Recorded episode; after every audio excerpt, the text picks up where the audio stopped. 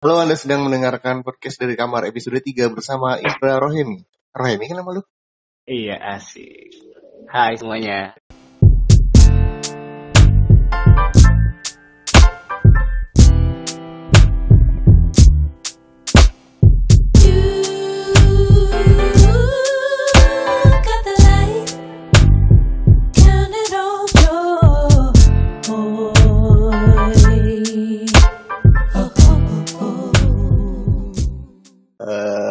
Apa kabar, Indra? Alhamdulillah baik. Gimana di sana? Iya. Nggak, nggak- lu nggak tahu di, gue di mana kan? Nggak usah, nggak usah, nggak usah dibahas, May. Eh, eh, Oke oke. oke. Eh, eh gue gue boleh ngomong maksudnya gue boleh nanya itu kan gitu. boleh lah. Oke. Kita baru aja ngelewatin ini, eh, Pilpres, pesta demokrasi terbesar di negara ini dan juga mungkin di dunia. Banyak hal terjadi dalam seminggu ini. Hmm, Salah satunya mungkin yang paling diingat Prabowo sujud syukur walaupun belum pasti menang. Terus kan menjelang beberapa hari menjelang Pilpres ini ya ada ada apa? Piring soal sexy killers. Oh iya betul. Sebenarnya itu ada dua sih. Ada sexy killers yang setelah dipikir-pikir katanya memberat terlalu memberatkan pihak Jokowi. Jokowi. Iya. Dan yang kedua kan ada ini eh, rilis dokumennya Alan Nair yang Oh ada lagi. Gue belum nonton tuh yang kedua. lo nggak tahu yang itu. Nah, yang dokumen Alan Alan ini katanya adalah rencana penculikan oleh tim Prabowo ketika seandainya mereka nanti menang di pilpres yang ini. Nah, dari dua hal itu, tapi kan lu lu nggak tahu ya yang kedua. Eh, Iya. bahas sexy killersnya aja deh. Sexy killers itu bikin lo ini nggak? Bikin lo apa namanya? eh semakin yakin untuk nah, bikin lo ragu sama pilihan lo atau semakin yakin sama sama pilihan? Eh, menurut gue nih ya. Eh kalau menurut gue sih sebelum ada film itu juga gue udah ragu kali sama pilihan gue. Tapi lo, tapi lo udah tahu mau milih siapa waktu itu? Eh, sampai se- sampai ada detik-detik gue di KPU juga gue masih belum tahu cuy mau milih siapa sebenarnya. Kalau nggak kalau ya maksudnya kalau dia nggak ada intervensi dari keluarga ya anjay ini. iya soalnya ya gimana ya kayak skeptis aja gitu sama Pemerintahan. Iya.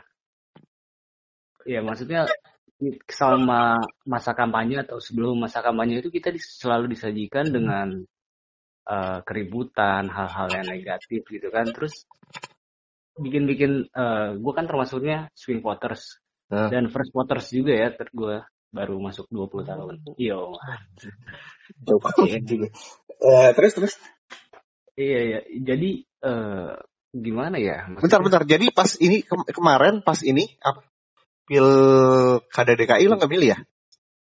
gue gue di Bekasi kan. Oh Jabar ya, beda. Iya Jabar gue pertama kali juga kemarin. Terus Tadi gue sampai mana ya? Iya, jadi sebelum ada film Sexy Killer juga emang agak berat sih buat gue milih eh, milih satu di antara dua. Mungkin benar kali kata orang kayak kita milih satu yang terbaik dari dua terburuk itu benar benar ngerasain gitu gue ya. gue nggak Iya. milih sih, Lu lu nggak milih tuh? nggak milih karena kemarin udah tahu mau milih siapa kan beberapa hari sebelum sebelum pilpres. Cuma Iya. pas datang ke TPS, kok kok lo milih di KPU anjing? Yang milihnya TPS. Eh, Oke. pas datang ke TPS, Iya, iya. form A5 gue ditolak. Hmm, katanya nggak cukup ini. Ya udahlah. Pikir ya gue nggak milih juga bakalan menang tetap kan ya udah nggak apa-apa. Iya.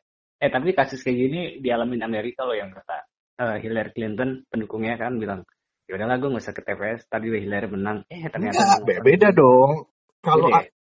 kalau di Indonesia kan one man one vote. Sem- jadi Oh, gitu ya? yang, yang yang yang yang kita pilih eh, pilihan kita itu mem eh suara kita itu memang berpengaruh kalau kalau Amerika enggak katanya mereka kan milihnya elektoral eh, eh apa pokoknya kayak MPR gitu ya ya diwakilin Mm-mm. nggak nggak langsung di eh, di secara rakyat tuh suara rakyat tuh nggak secara langsung tapi diwakilin Oh, gitu. Iya, gue gue milih sih salah milih satu. Ya, kayaknya udah tahu juga siapa ya. ya gue gue nggak tahu. Dan nggak mau Iya. nyari tahu juga sih itu ya pilihan masing-masing lah. Terus Iya, kalau ini apa soal tanggapan lo soal ini? Soal gerakan golput yang mengajak orang untuk tidak memilih itu gimana? Tanggapan gue soal golput, sebenarnya eh gue nggak melarang orang golput, cuma kalau gerakan golput itu gue kurang setuju juga gitu. Sebenarnya kita juga harus menentukan masa depan Indonesia itu ya dari tangan kita sendiri, dari voting kita sendiri gitu kan. Tapi nggak ada salahnya juga orang golput, itu hak mereka. Kan kita kan bebas bebas memilih. Golput juga termasuk pilihan dong. Iya Gitu, sih, tapi jadi ya kan yang disesali dari ini kan bahwa mereka boleh golput tapi se- nggak seharusnya mereka itu ngajak orang lain ikut dalam gerakan mereka. Iya Iya kan? Iya. jadi ah, gue gue nggak tahu apa yang diharapin dari dari orang-orang yang golput. Bahwa Iya karena ini ka- kata- ka- karena kalau kita golput juga pasti presiden terpilih juga gitu loh. eh, ka- ya karena kalau bagi gue kalau mereka mau ngerubah sistem ya lu harus masuk ke dalam sistem. Intinya lu lu lu harus ikut dalam ini kan masuk partai ikut pemilihan anggota dewan atau lembaga-lembaga yang mewakili rakyat bukan Iya gitu. dengan lo golput kemudian berharap ada perubahan kayak nggak bakal sih yang ada ya orang-orang yang kepilih itu kalau niatnya baik ya bagus tapi kalau niatnya jahat orang-orang yang golput tadi juga berhak disalahkan karena mereka tidak menggunakan hak suara mereka kan Dan yang gua apa? Yang gua expose juga sebenarnya kita tuh kurang peka, bukan kurang peka. eh kita kurang paham sama caleg-caleg kita gitu. Selama ini kan iya, yang iya, iya. digembor-gemborin pilpres, pilpres, pilpres. Padahal kan itu ada lima, lima apa? Empat, empat apa lima ya gitu. Yang kita harus coblos gitu kan. lima lima lima surat Iya. suara kan dan men gue satu pun gak ada yang kenal itu gak ada yang tahu sama sekali gue itu cuma pilpres doang tuh yang gue tahu dua orang itu dan sisanya itu ya udah paling juga skeptis aja li- lihat lihat partai aja kan partai ini kayak Iya. gimana partai ini kan banyak juga gitu. tuh yang bilang gitu eh, apa namanya oh, karena pemilunya serentak ya semuanya dilakukan Iya. bersamaan orang jadi nggak fokus ke pilihan caleg DPR DPD DPR kabupaten provinsi kan mereka semua itu lebih fokusnya ke pilpres jadi Mm-mm. kita tuh nggak sempat nyari-nyari ini dan dan para caleg pun nggak kayaknya sosialisasinya juga kurang kan? Iya kurang emang sih. Nah ngomong-ngomong sosialisasi ini PSI kan nggak lolos ya? Iya kasian banget. Lo sedih nggak? Ada sedihnya ada. Sedih kenapa? Eh nggak ngerti apa ya gue ngeliat semangat aja sih di- dari mereka. Mungkin karena usianya masih muda-muda gitu kan jadi masih banyak yang pemikiran lah sama gue keputusan-keputusan mereka. Sama sih maksudnya gue gue gue gue nggak bakal bohong bahwa mungkin dalam lima tahun ke depan ada ketertarikan gue untuk gabung ke PSI kalau ternyata orang-orang di atas sana juga kelakuannya nggak berubah kan sama pemerintahan baru yang akan Iya. datang. Cuma yang disayangkan dari PSI adalah gue nggak tahu ya lo kan tinggalnya di Jabotabek masih tapi Iya. kalau lo udah masuk ke daerah-daerah lo nggak bakal tahu PSI itu apa iya itu sayangnya sih PS itu bagi gue sayangnya mereka cuma main di televisi dan di kota besar sama di sosmed. Mereka lupa rakyat-rakyat di daerah yang nggak kejangkau sosmed, nggak kejangkau internet itu lebih banyak. Gue di lingkungan rumah ya, caleg-caleg yang dari partai besar, partai Golkar, PDI dan lain-lain itu bikin lomba nyumbangin sembako, eh, terus ngisi-ngisi di pengajian, undang ustadz dan lain-lain.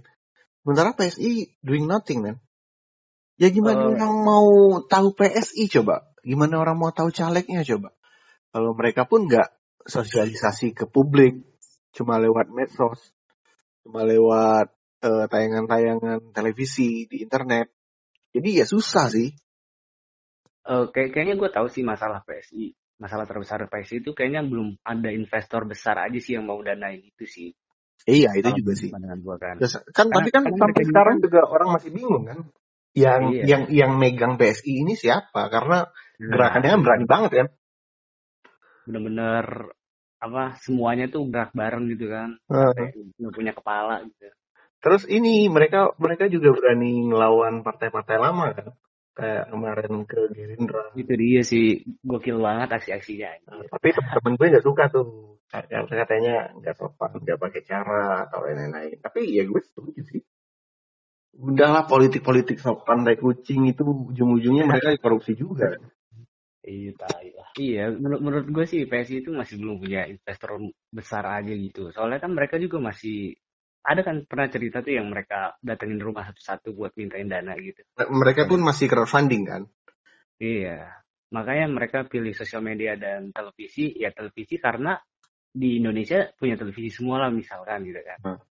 Dan sosial media yang ngejangkau eh, publik-publik kota-kota ini nih yang rakyatnya banyak gitu. Iya, eh, cost biayanya juga murah.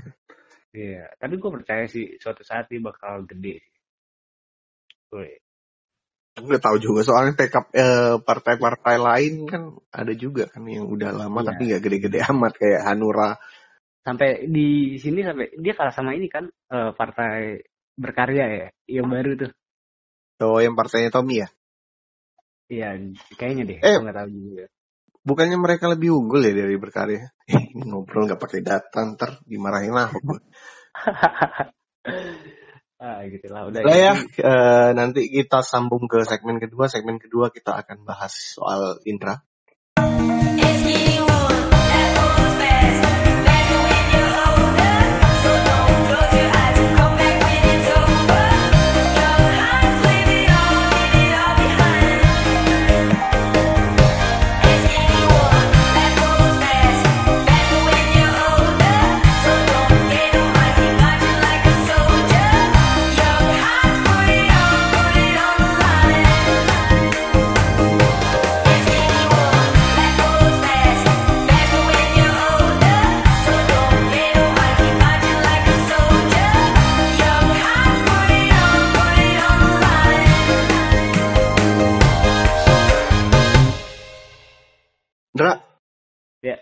Lu dua- 20 tahun kan ya?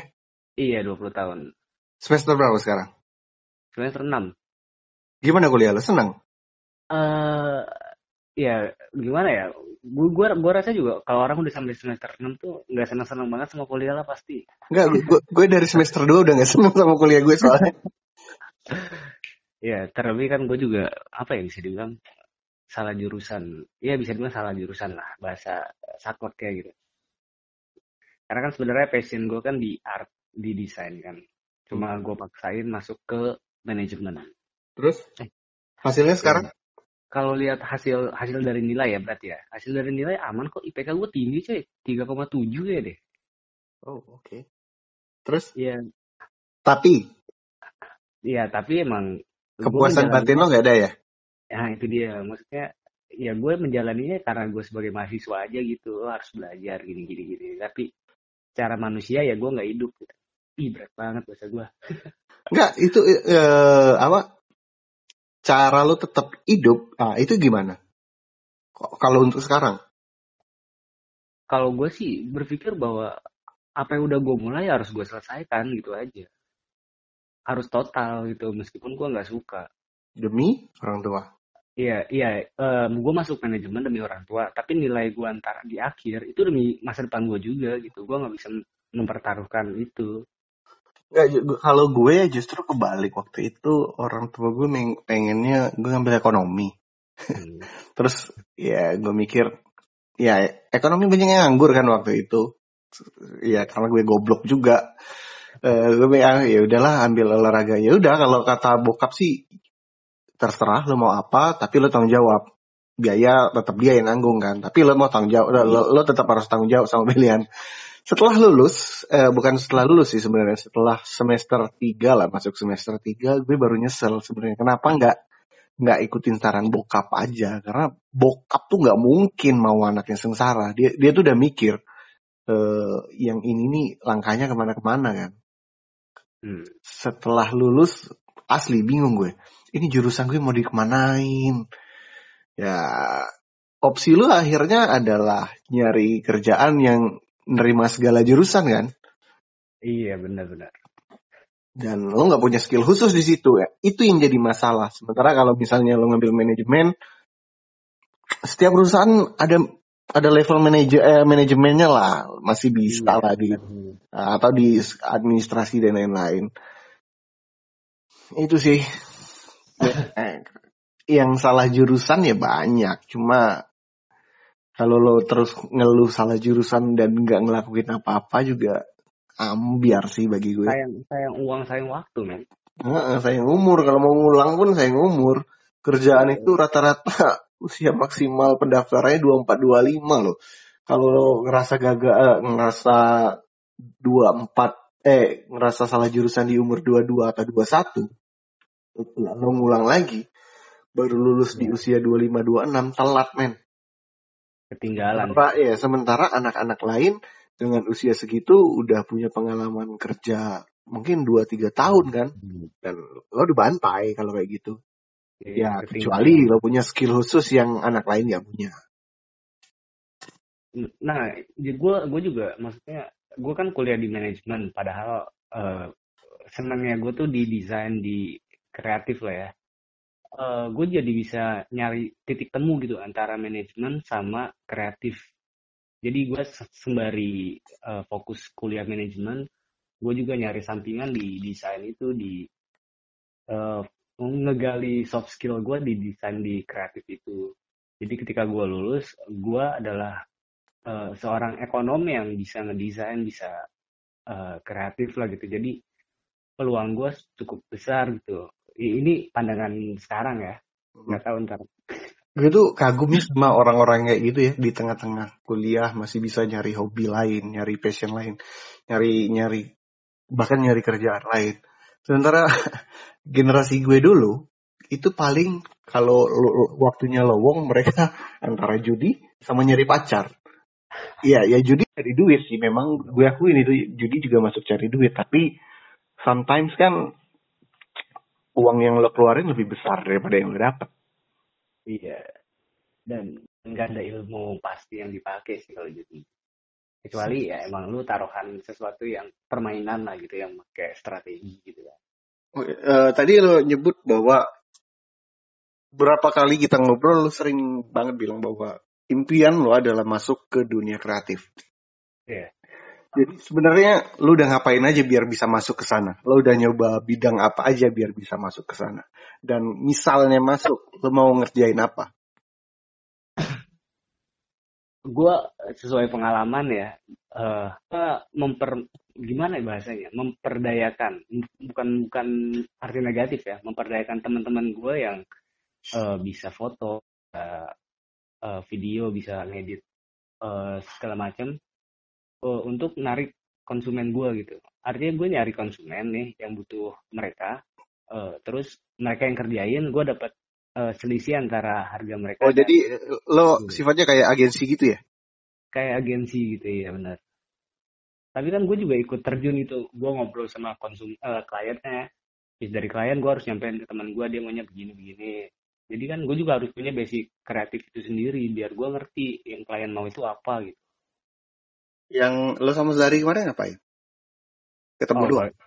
kalau itu ketemu doang sih gue gue dapet giveaway itu kebetulan rumah gue agak jauh sama dia ya udah kalian aja COD ngopi bareng Halo Mas Zari, kalau Anda dengar, Anda sudah blok saya lima tahun ya. emang emang banyak gak sih yang denger ini Hah? banyak gak sih yang denger Nggak tahu ya. Nggak bakal sampai ke dia juga. Ngapain Ma, lima tahun men. Dari Jokowi sebelum kepilih ini sampai ini mau ganti lagi.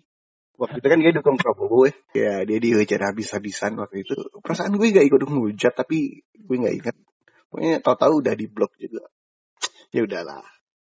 tapi sekarang dia nggak banyak eh, berpartisipasi dalam mengkampanyekan ya.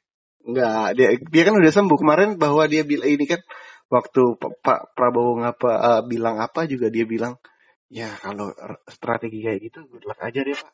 gue nggak ikut ikutan lagi katanya gue gue rasa sih karena dia bisnisnya lagi gede nih.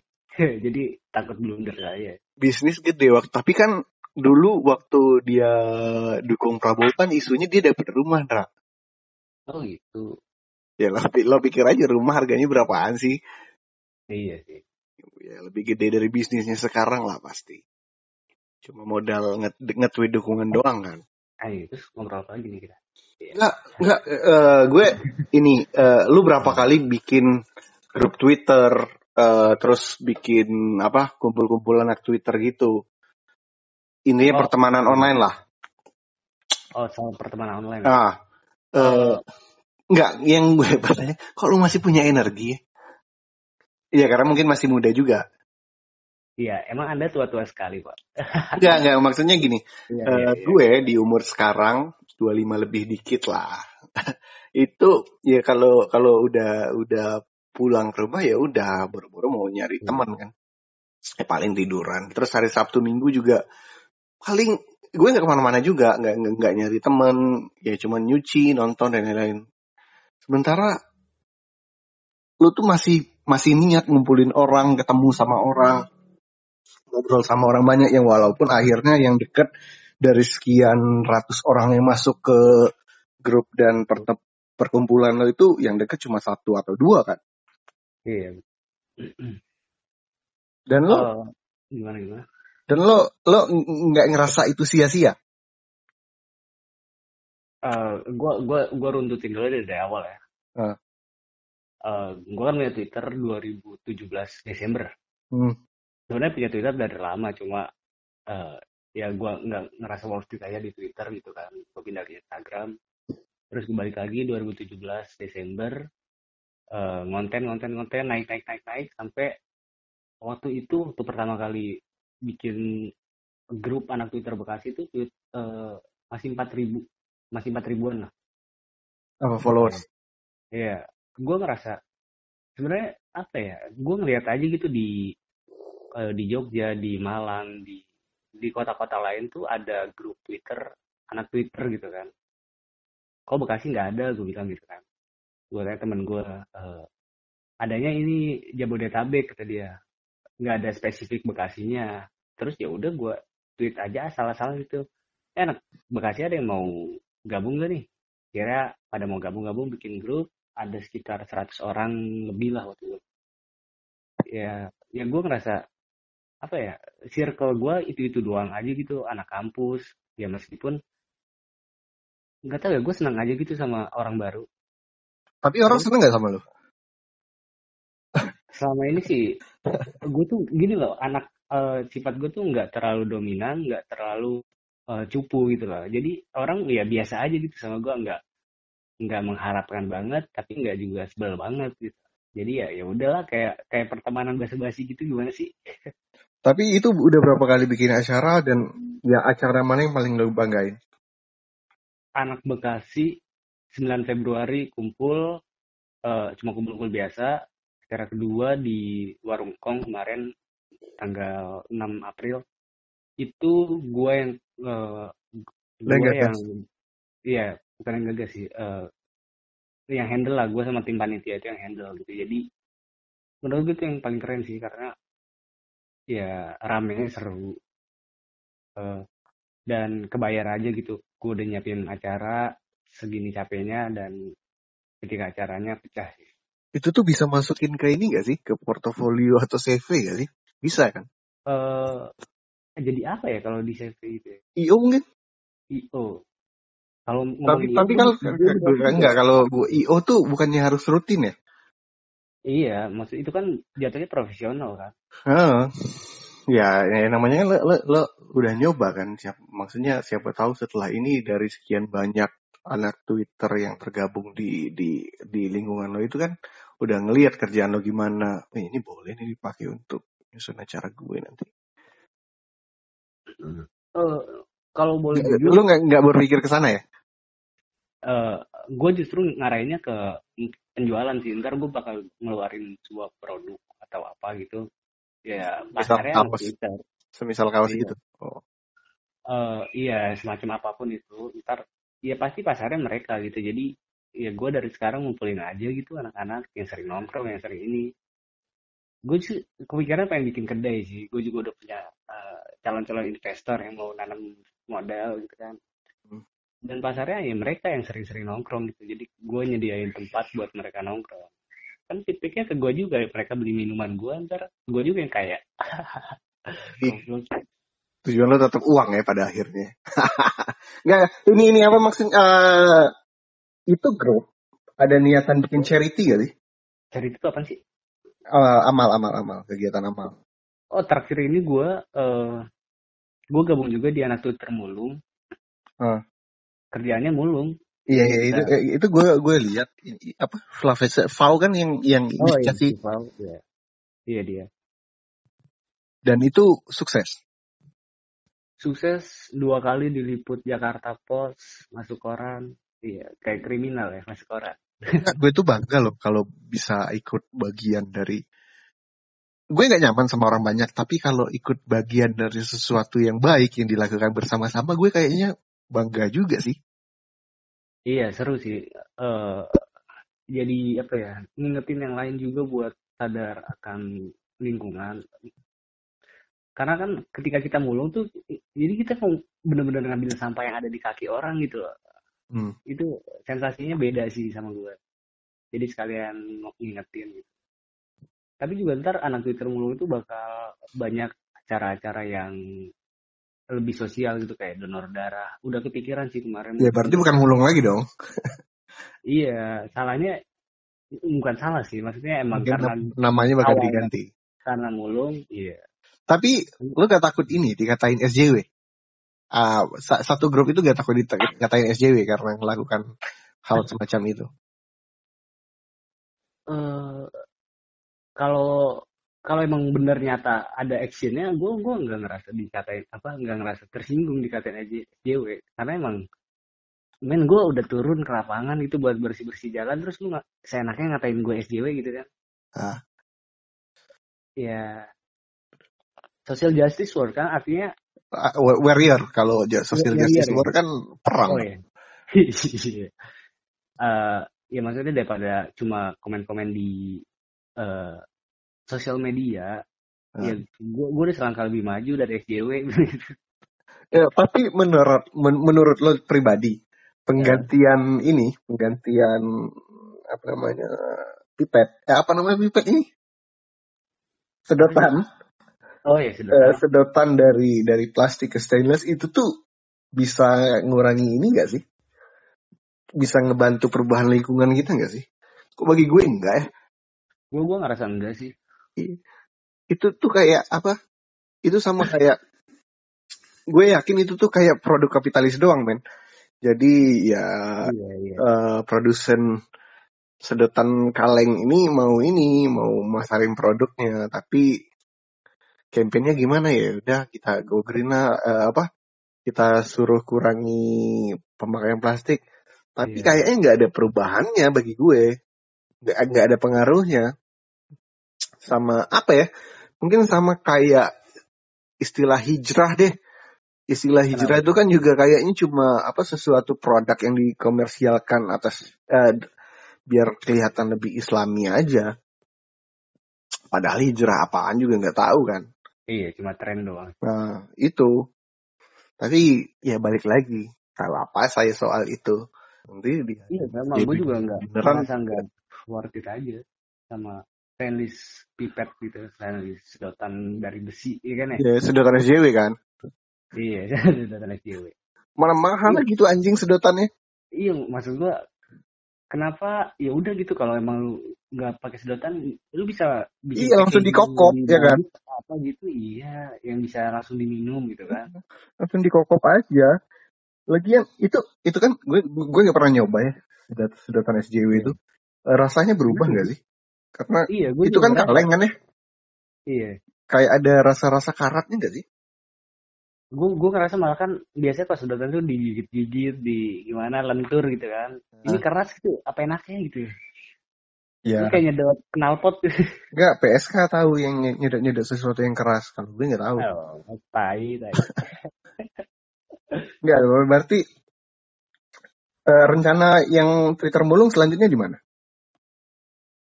Eh belum tahu sih mau ke mananya karena kan mepet eh, lebaran puasa juga ya. Oh, tapi eh, nggak ada rencana penggantian misalnya dari Twitter mulung nggak ganti aksi dana, dana sosial lain misal eh, apa ngebantu renovasi yatim piatu gitu enggak ya? Oh, ada sih, tapi ya paling brandingnya atas nama anak Twitter mulung jatuhnya. Jadi emang basic awalnya emang Twitter mulung ya, karena nggak selamanya mulung terus kan, ya paling chapter donor darah, chapter apa gitu aja sih. Tapi kalian tuh berharap ada investor nggak sih? Nggak, bukan investor untuk ini ya, maksudnya Hmm. eh, Sponsor lah, sponsor ya. ya sponsor lah. Eh, untuk saat ini sih belum ada karena acaranya juga masih masih apa ya kayak pergerakan bawah tanah aja gitu nggak bukan acara yang terang-terangan eh, besar mengingatkan gitu cuma ak- aksi-aksi aja gitu daripada gabut gitu kan awalnya kan daripada gabut nongkrong-nongkrong gak jelas mending mulung aja deh gitu Daripada Sih. di rumah bikin trade dewe ya.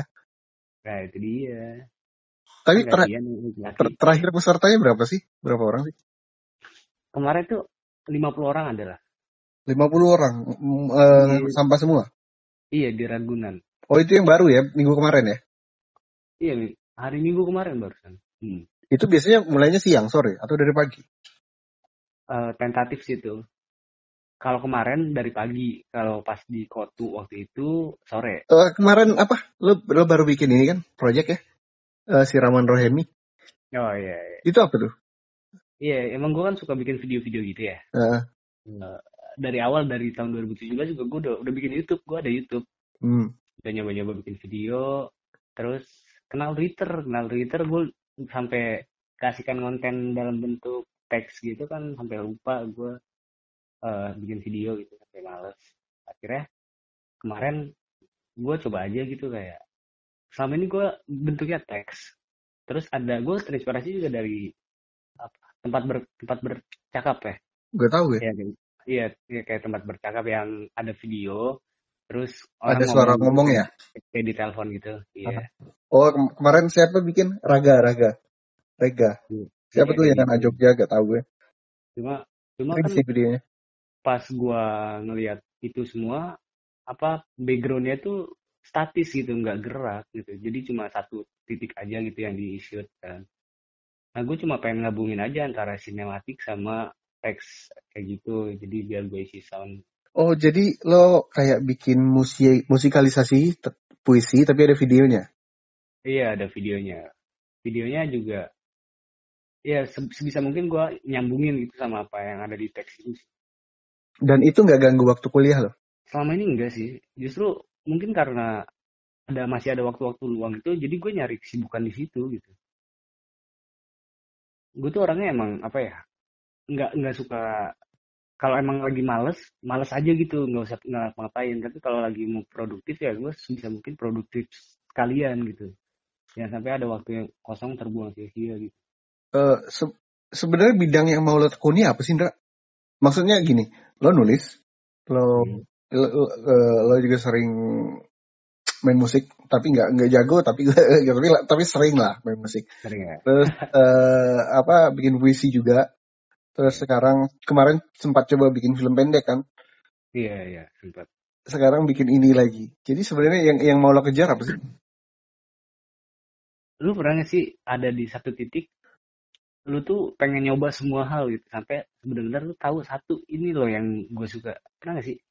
Enggak, karena gue gue tuh gini ya, gue ngeliat orang punya eh, orang jago gambar misalnya, teman gue jago gambar, gue nyoba, eh, gue tanya aplikasinya ke dia apa, eh, cara ininya gimana, gue pelajari dua tiga hari, ketika gue nggak gue, gue nggak ngerasa sabar ngerjain itu, ya udah gue berhenti. Sama kayak yang lain. Jadi kalau sekarang sih gue gue nggak mau nggak nggak nyoba nggak nggak bersikeras nyoba kayak lo, ketika gue ngerasa aduh gue nggak nggak bakal bagus di hal ini di hal yang ini ya udah gue berhenti. Iya gue kalau lo beda kan? Kalau lo masih lo kerjain kan? Sampai sampai mana yang menurut lo paling menyenangkan akhirnya lo stay di sana kan? Iya gue tuh ya gitu maksudnya tingkat penasaran gue sama satu hal itu cukup besar.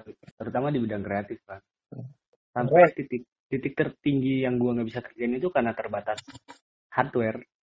Oh, gadget. iya Eh, gue kan selama ini pakai HP edit pakai HP rekam pakai HP gitu. Semuanya gue tibarnya di HP gue gitu. Tapi niat masih kencang ya? iya makanya gue selalu ngakalin ini anjing ini gimana caranya gue bisa pakai HP tapi bagus gitu loh. Tapi ya gue nggak bisa pasti ada batas wajarnya sih mentoknya di situ di hardware Gue juga Karena sih, gue juga nggak ada duit gue juga menyayangkan sih. Maksudnya ini dua, udah 2019, sementara kita, masih banyak dari kita yang belum belum tahu cara dapat duit dari internet dan belum pernah juga dapat duit dari internet. Kayaknya sayang banget, men. 2019. Iya, gue gue ngeliat peluang pasarnya di sosial media sih. Sebenarnya gue nggak ngejual karya gue ya, tapi gue ngejual eh, nama yang dibalik karya itu. Jadi gue pengen, ya lu lihat aja deh selebrit selebrit yang sebenarnya atau jangan selebrit deh, public figure yang sebenarnya itu dia cuma punya masa doang, dia gak punya karya apa-apa. Enggak, Gak enggak ya. buku. Coba, coba gue, gue- penasaran lo. Salah satu contohnya siapa? Berani nggak lo? Ban- banyak gitu maksudnya kayak kayak Ikram Arki atau eh siapa ya pokoknya public figure yang dia punya followers banyak tapi sebenarnya dia nggak punya basic karya yang benar-benar eh, karya gitu kemudian dia jual merchandise dapat duit gitu itu kan pasar mereka man dia dia nerbitin sesuatu juga karena karena followers aja gitu Iya, iya, iya. Iya, tapi di satu sisi ya gue masih punya idealis itu kak. gue harus punya karya buat nge-back nge-backup nama gue kalau misalkan nanti besar gitu kan. Nah makanya gue nggak berhenti di Twitter aja, karena gue ngerasa Twitter tuh bukan tempat buat berkarya gitu. Nge-tweet itu bukan karya menurut gue. Ya memang bukan. Iya, iya, nge-tweet ya bacot. Iya, ya meskipun misalkan tweet gue emang basicnya kayak kayak penulis gitu kan, tapi gue ngerasa anjing ini kurang nggak bisa kayak gini aja gitu. Enggak sih. Gue kalau misalnya gitu. mau nulis ya lo harus apa ya blog lah. Iya, Jadi iya, jadi porto di, kalau misalnya jadiin portofolio pun orang ngelihatnya gampang, arsipnya jelas. Sekarang kalau Twitter kan nggak, lo nggak bisa jadi ini tuh portofolio lah. Mungkin masalah iya, banyak di sana, tapi kalau dijadiin portofolio kayaknya tetap nggak bisa sih. Karena iya, arsipnya nggak jelas gimana. Sebenarnya kalau misalnya lo nulis di WordPress Medium, di even di Blogspot, lo bisa nge-track itu dari dari tulisan pertama secara gampang. Itu sih yang bikin gua gua udah berapa lama ya sebulan ini lah kayaknya nggak main Twitter gua. Karena? Karena biar biar terbiasa nulis lagi bikin skrip lagi biar terbiasa bikin video lagi gitu. Iya sih, karena menurut gua gua pasar gua emang di Twitter sih kan eh, followers 4.500 sekian lah kan. Lumayan tuh kalau misalkan gua umpanin karya-karya gua. Gak, gue juga ngakuin sih apa belakangan Twitter tuh agak-agak menyeramkan buat gue karena terlalu banyak nyita waktu juga pertama. Itu salah gue sih. Salah gue karena nggak bisa ngontrol. Cuma belakangan kan apa ya di sana itu semakin banyak bullying online yang secara sadar nggak sadar gue ikut di dalamnya. Terus ada banyak hal lain ya, hal baik di Twitter tapi banyak juga yang jelek. Ya sebenarnya balik lagi ke orangnya sih tapi gue gue juga kemarin udah nyoba beberapa hari untuk berhenti main Twitter tapi susah men. Adiksinya candu. Mungkin setara rokok lah. Kalau sama narkoba mungkin belum selevel tapi setara rokok lah. Ketika lo dapet eh retweet likes itu Nah, ego lu naik kan? Iya. Hormon yang ada di dalam tubuh lu juga naik.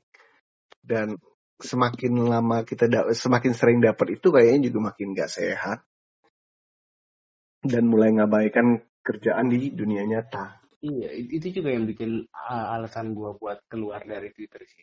Kalau boleh jujur juga, maksudnya bisa dibilang toxic lah kalau di Twitter tuh. Twitter gua ya. Karena apa ya? Twitter tuh kayak satu tempat isinya ada orang-orang yang benar-benar punya power dan kita tuh cuma ngegerakin mereka doang buat lu suka sama dia, lu nggak suka sama dia gitu doang gitu. Gua ngelihatnya. Jadi jadi beban sendiri gue ngeliatnya meskipun gue jarang terlibat sama hal-hal gitu gue paling anti sebenarnya sama hal-hal gitu sama drama-drama gue males banget gitu. Enggak, tapi kayak drama Twitter tuh makin ke sini ya, semakin di, di, di, diminati loh. Lo iya lo, lo lihat aja lah info tweet war itu followernya berapa kan. Segitunya memang kita itu cinta drama. Maksudnya netizen Indonesia itu cinta drama. Makanya akun-akun kayak Lambe Tura itu juga laris. Iya. Ya, Kita tuh masih kita memang ada. cinta drama dan gosip. Dan Iya. gak ada yang Bad bisa news, good news ya kan. menyangkal itu. Iya. Bad news is good news masih ada di situ kita. Ah, iya. Dan Apalagi Iya. soal ini kan, soal misalnya lo eh, siapa tidur sama siapa, ada skandal apa, kayak hari ini deh misalnya, skandal Jojo. i- iya tuh baru ya. Kan Parah. itu kemarin dari yang semuanya ng- ngerasa rahimnya anget, sekarang malah jijik semua. Ya sebagian dia nyari juga sih. Yang nyari siapa cowok? ya dua-duanya lah. Padahal gue itu itu manusiawi. Namanya Orang sange, ini biarin aja udah. Iya, Tau gak? iya itu Baru biologis lu kan lagi pengen gitu kan. Terus nggak ada tempat buat menyalurkan ya udah gitu deh pada susah-susah pakai tangan aja sih yang di- yang disayangkan kan kenapa. Jojo akhirnya ngerekam itu yang Iya, disayangkan lagi bagi sebagian pihak kan kenapa cuma 20 detik anjing. Iya sih. 20 detik lu dapat apaan kagak ada ya udahlah sampai di sini aja Indra selamat malam Oke, thank you udah ngundang gua. bye bye Dah.